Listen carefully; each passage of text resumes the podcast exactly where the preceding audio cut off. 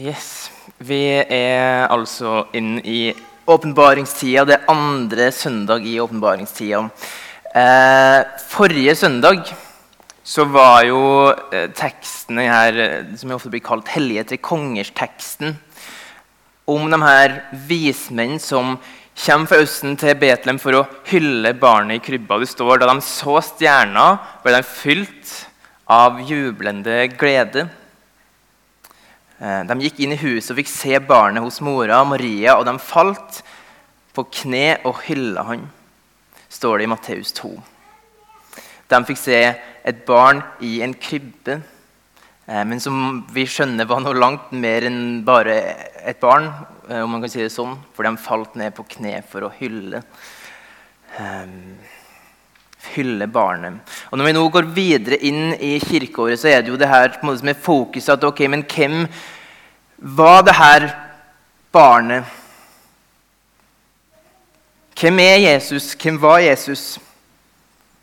Um, og Det er derfor vi nå kjører en taleserie som vi har kalt 'Hvem er Jesus?'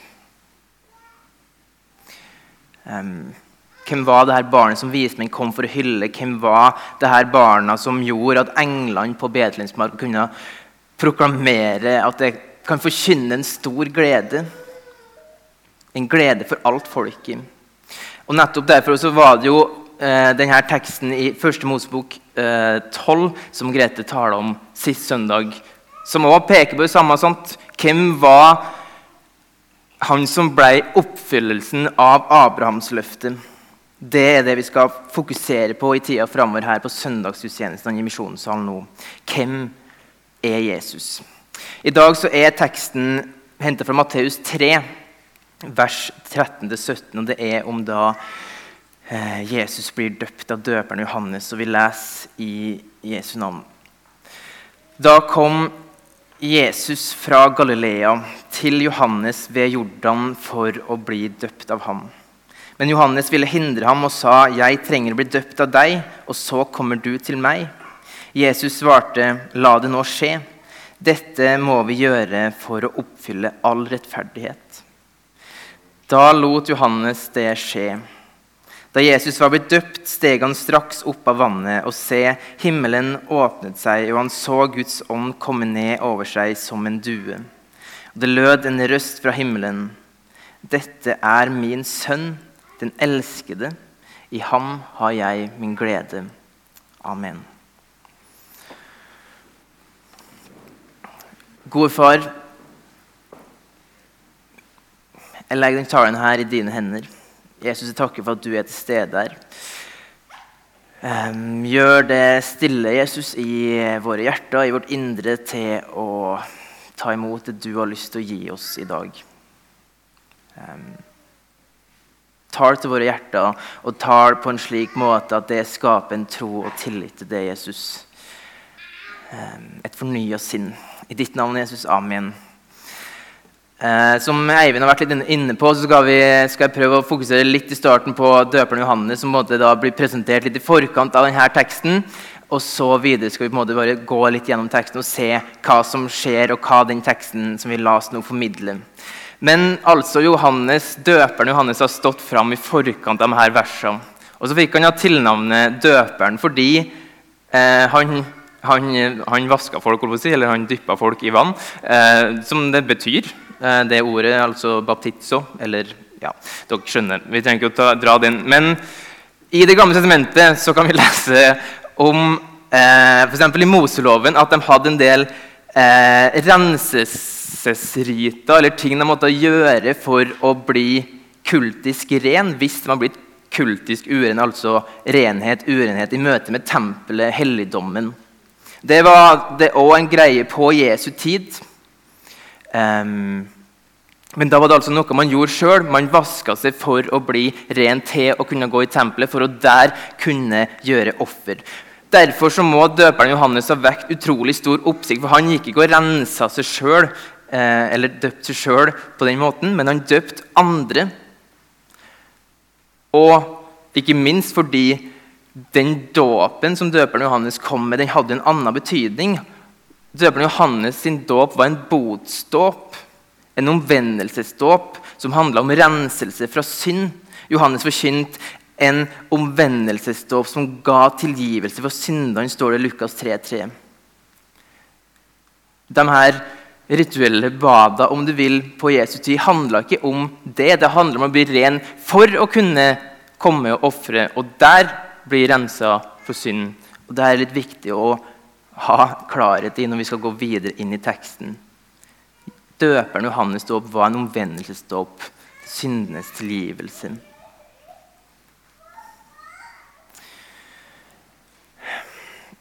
Og det at døperen Johannes står fram og gjør det her, løfter fram en dåp som eh, på det her viset, det gjør at ja, han måtte ha vekt veldig stor oppsikt. Det er noe som eh, Dere kanskje har hørt om en bok. Oskar Skarshevne skriver eh, i 'Bergprekens Jesus' om det her.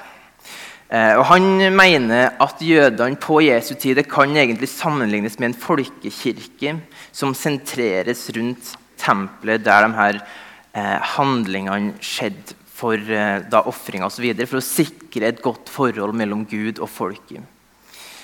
Um, da bl.a. ofringene som de gjorde der. Og Så kommer da altså døperen Johannes, og det han egentlig da gjør, det er å utfordre hele den offerpraksisen som det jødiske samfunnet var bygd på.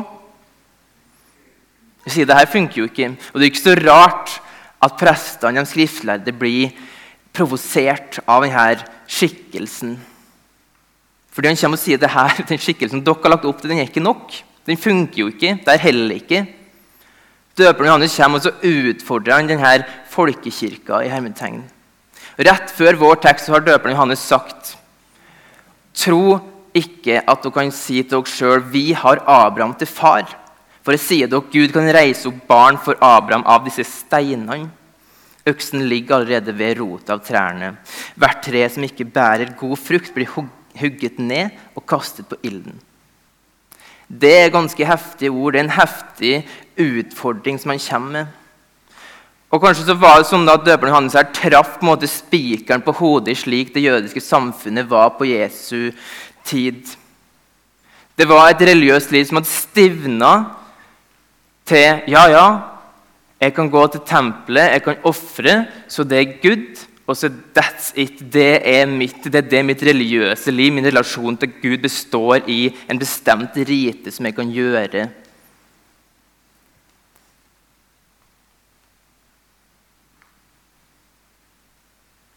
Men så er det jo ingen sånn her automatikk og en gudsrelasjon som skal gå mye dypere enn bare en ting jeg skal gjøre, og så er det Gud. Sant? Det handler om et hjerteforhold. Så døperen Johannes blir en slags fortsettelse av de mange profetene vi finner i Det gamle testamentet, som også taler på akkurat samme måte. F.eks. i Jesaja og Jeremia, kanskje de mest kjente eksemplene.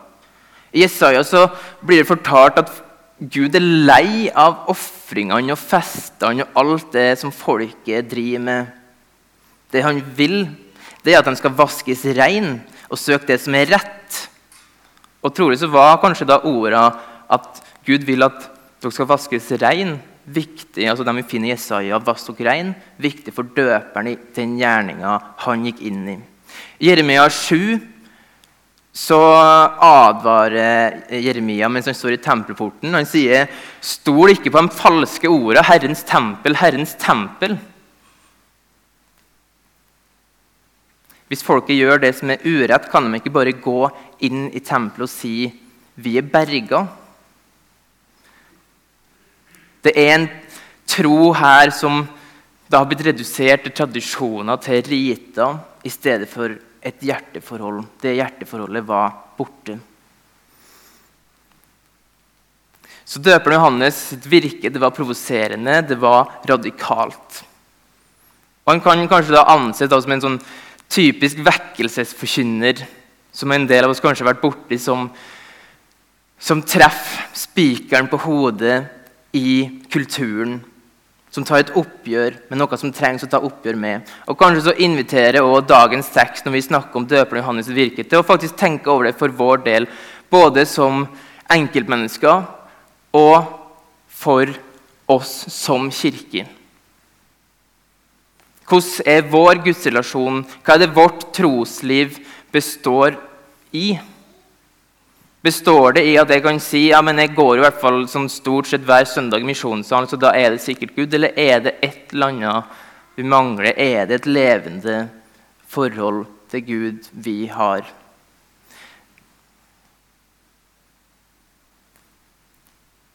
Er det kunnskap, eller er det kjennskap? Gamle vaner eller en daglig omvendelse? En sånn her dyrekjøpt erfaring at vet du hva, jeg trenger faktisk det her.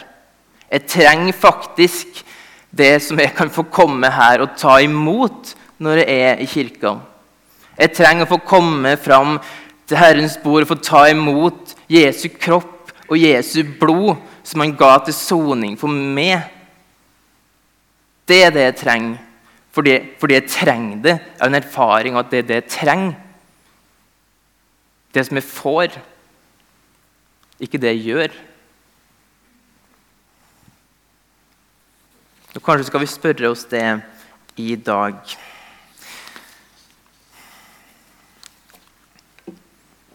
Nå har vi brukt en del tid på det som er på en måte foran teksten. Vi skal gå videre inn i sjølve teksten. Um, Jesus han anerkjenner jo døperen Johannes når han, um, og døperen Johannes da, som forløper til Jesus. Aller mest tydelig ved at Jesus kommer til han og lar seg døpe av han. Og så er det jo tydelige linker mellom døperen Johannes og Jesus. Kjernen i forkynnelsen, det sentrale budskapet, var det samme. Vend om, for himmelriket er kommet nær. Og I Matteus 11 så bekrefter også Jesus døperen sitt virke helt konkret, hvor han siterer Malaki 3,1 og bekrefter det at døperen han var Elias som skulle komme. Han som skulle ha rydd vei for Jesus. Men så er det jo også, selv om denne kontinuiteten er der, så er det også en slags, eller i hvert fall en veldig viktig forskjell Døperen Johannes skulle være en veirydder for Jesus. Johannes pekte fram til noen som skulle komme, en som skulle bringe himmelriket nær. Det var ikke Johannes som var greia, det visste han. Jeg døper dere med vann til omvendelse, men han som kommer etter meg, sier døperen, han er sterkere enn jeg, og jeg er ikke verdig til å ta av sandalene til han.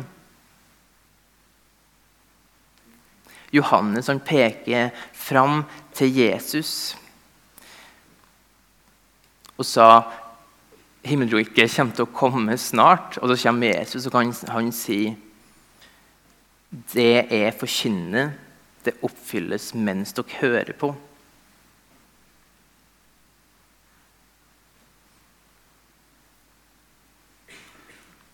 Når Jesus snakker, så skjer det. Og det skjer fordi at det er Jesus som snakker. Det er Jesus som sier det.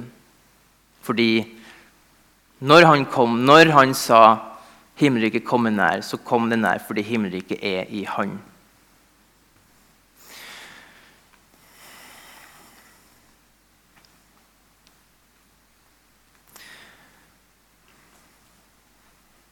Og Denne forskjellen er jo tydelig i teksten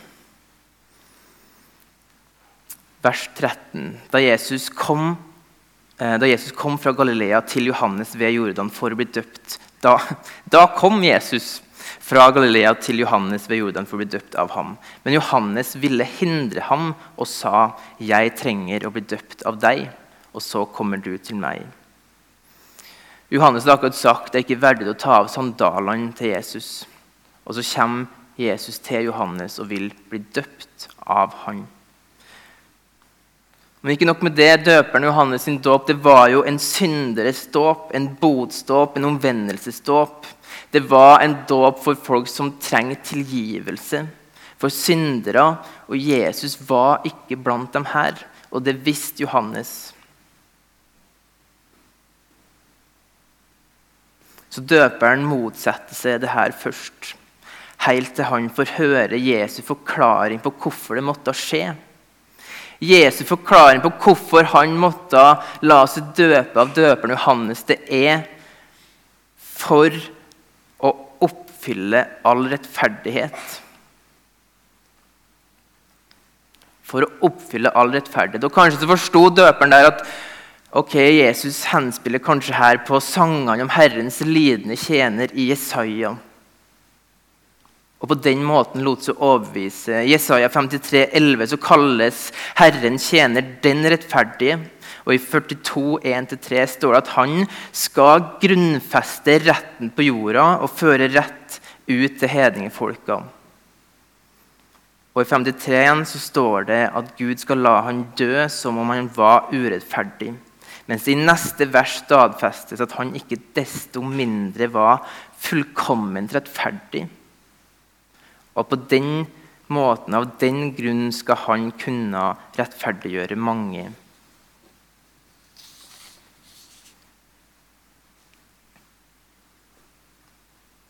Det står med en rettferdiggjørelse som innebærer det at tjeneren bærer de manges misgjerninger på en stedfortredende måte.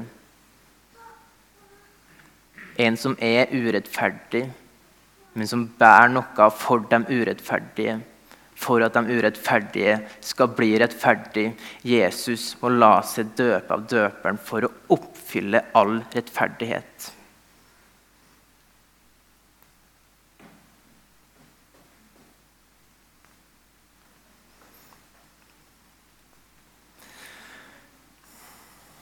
Johannes han hadde stått i Jordanelva. Folk hadde kommet til han, og det står at de bekjente syndene sine, de som kom til han og lot seg døpe. Så det som da skjer når Jesus kommer til Jordanelva og sier jeg trenger å bli døpt av det, Johannes, så stiller han seg i syndere sine rekker. Det vi ser, er en Gud som ble et menneske for å kunne gå inn i menneskets sted for å fikse vårt største problem. En Gud som går inn i stedet for oss. En Gud som sjøl blir stedfortreder for oss mennesker. Så her har vi da etter hvert to viktige punkt om hvem Jesus er. Hvorfor han kom. Han kom for å oppfylle all rettferdighet. Han er den som tar vår plass. Eller vi kan si det på en annen måte. egentlig. Han kom for å oppfylle all rettferdighet, og han gjorde det for å ta din plass. Og Dette er det vi ser i hans dåp. Og dette var nødvendig. I Romerne 5 så står det, det at synda kom inn i verden ved ett menneske, Adam. Og slik ramma døden alle mennesker fordi alle synda. Men om Jesus så står det Vi veit at én er død for alle, derfor er de alle døde i 2. Korinterbrev 5. Hvor Adam blir representant for alle mennesker, har vi plutselig en ny representant, Jesus, som stilte seg inn i synderes rekker, inn i våre rekker ved Jordanelva for å oppfylle all rettferdighet. Da Jesus levde et hellig liv, oppfylte loven, så var det vi som kunne si at vi har gjort det i Jesus.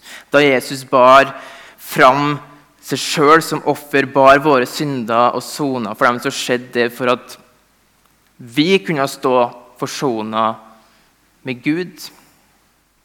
Fordi han tok vår plass. Gud gjør oss ett med Jesus, vår stedfortreder. Og det viser teksten oss ved at Jesus er villig da, til å gå inn i den rekka som vi står i. Han er villig til å gå inn der for din del. Han hadde ingen synder å bekjenne for sin egen del, men han hadde likevel hele menneskeslekta sin synd å bekjenne. Han hadde din synd å bekjenne der.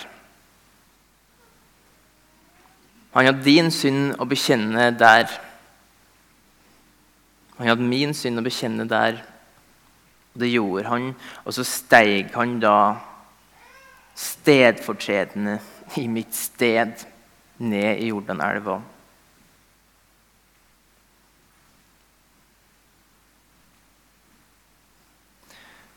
Det, det her er jo det vi trenger. Kanskje er det ikke alltid at vi skjønner at vi trenger det her. John Stott har en uh, definisjon på synd som, som, gjør at jeg skjønner at jeg trenger det her. Han sier det at synda sin essens det er det at mennesket prøver å sette seg i Guds plass, eller sette seg sjøl i Guds plass, på, på, Guds plass. Og da skjønner jeg i hvert fall um, at jo, synda er et problem i mitt liv gang på gang hvordan jeg prøver å sette meg sjøl på Guds plass. Gjør meg til Gud. La meg bestemme. Det er ikke så viktig hva Gud har sagt, det er viktig hva jeg tenker, hva jeg føler. Det er synda sin essens, mennesket som setter seg sjøl på Guds plass. Men frelsens essens det er at Gud bytter plass med mennesket. Det er at Gud går inn i vårt sted.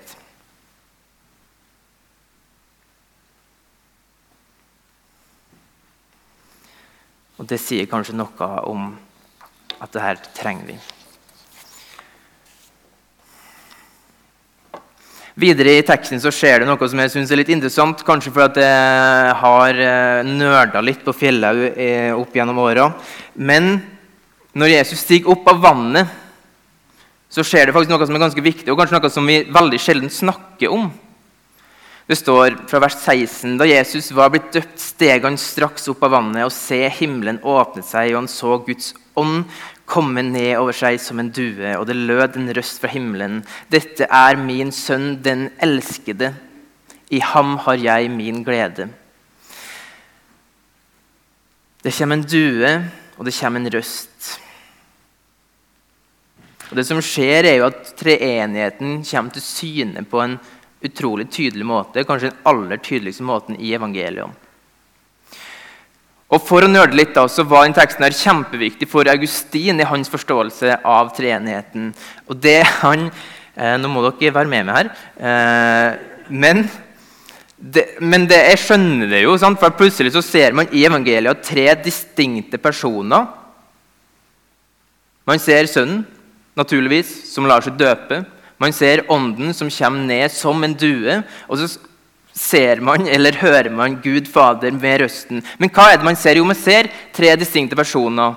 Men de tre distinkte personene de er jo enhetlige. og Det var et av Augustins viktigste poeng. og som vi da ser i den teksten her, og Hvordan ser vi dem er enhetlige? Jo, fordi dua kommer eh, på Jesus, om du vil, for å bekrefte Jesus. Og Gud Faders røst kommer fra himmelen for å bekrefte Sønnen. Og hva er det som bekreftes? Jo, det bekreftes at det som skjer her ved Jordanelva, det er den hellige, treenige Guds enhetlige vilje, om du vil. Det bekreftes at det som skjer her, at Guds sønn går inn i ditt sted, og det er Guds vilje for det. Og Hva forteller det oss? Jo, det forteller oss noe om Guds ufattelige nåde og kjærlighet for oss. Bekreftes i dåpen av en røst og en due. Vi ser en enhetlig vilje i den treenige Gud. Og så har jeg lyst til å stoppe litt opp for denne røsta. Gud Faders røst sier, 'Dette er min sønn, den elskede. Han har jeg min glede'. Det synes jeg er litt interessant, for at i Det gamle testamentet så er det faktisk ganske mange som blir kalt sønner. Altså, problemet er at de ikke alltid holder mål. Alle feiler på en eller annen måte.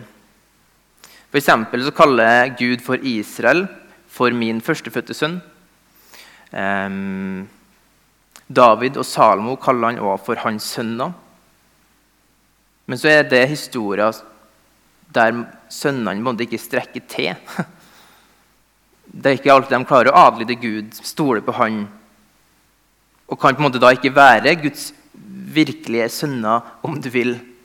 Men så i Jesu dåp så skjer det noe ekstraordinært, for da kommer denne røsta. Gud Fader sier fra himmelen til her Det her er min sønn, den elskede. Han har jeg min glede. Jeg ser egentlig for meg at når det skjer, så, så er det som at himmelen puster letta ut. Fordi her, endelig, så er det en sann sønn. En som man kan stole på, en som kan adlyde sin far.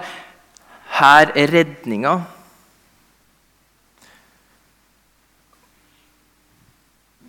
Og at han er Guds sønn, den sanne Guds sønn, er jo grunnlaget for at vi kan få være Guds barn. Sant? Så dette er jo en kjempetrøst for oss. Gud Faders røst som sier 'Det her er min sønn'. Og den gjerning denne sønnen gjorde, gjør at vi kan stole på at vi kan få være sønner og døtre. Vi kan stole på det fordi den sønnen her fiksa det for oss. Det her er min sønn, den elskede. I han har jeg min glede. Det er redninga, og det tydeliggjøres over dua. Johannes døperen har fått beskjed om at den dua kommer over det og den som var Guds lam. Og så kommer dua over Jesus. og Derfor så proklamerer Johannes se der Guds lam som bærer verdens synd. Se der Guds lam som bærer din synd, og som dermed er din redning, det du kan stole på. Der så oppfylles all rettferdighet. En som trer inn i vårt sted. Og jeg tror En annen plass, eh, i Johannes 12, så er det en annen røst som er fra himmelen. Og det er Uten sammenheng egentlig sånn for øvrig, da, men, men det, der blir det sagt altså Jesus sier at den røsta som lød, den lød ikke for min skyld, sier Jesus, men den lød for deres skyld, for at dere skulle forstå hva som foregikk. Og så tror jeg akkurat det samme egentlig er her. At Guds røst den lyr fra himmelen, slik at vi kan forstå hva som skjer ved Jordanelva. Og det vi snakker om nå, hva som skjer. Der er min sønn, den elskede, som går inn i mitt og ditt sted. Røsten kom så vi kunne forstå. Røsten kom slik at vi kan få vende vårt blikk på stedfortrederen på Han, Guds lam, som bærer verdens synd, som bærer min synd, som bærer din synd. Der er redninga. Så la oss ha blikket der. La oss se der. La oss leve der. La oss ha tilliten der. La oss be. Gode Far, kjære Jesus, vi takker deg for at du er vår stedfortreder. Det er du som tok vår plass. Du kom for å oppfylle all rettferdighet. La oss få se på det, du som er Guds lam. Og leve der hos dem i trygghet. En visshet om at du har oppfylt all rettferdighet for oss. Du har gjort alt ferdig, slik at vi kan få lov til å stole på hver dag at vi kan få være dine barn, Gud. Fordi du, Jesus, er Guds sønn, den elskede, som fullførte alt for oss. I ditt navn. Amen.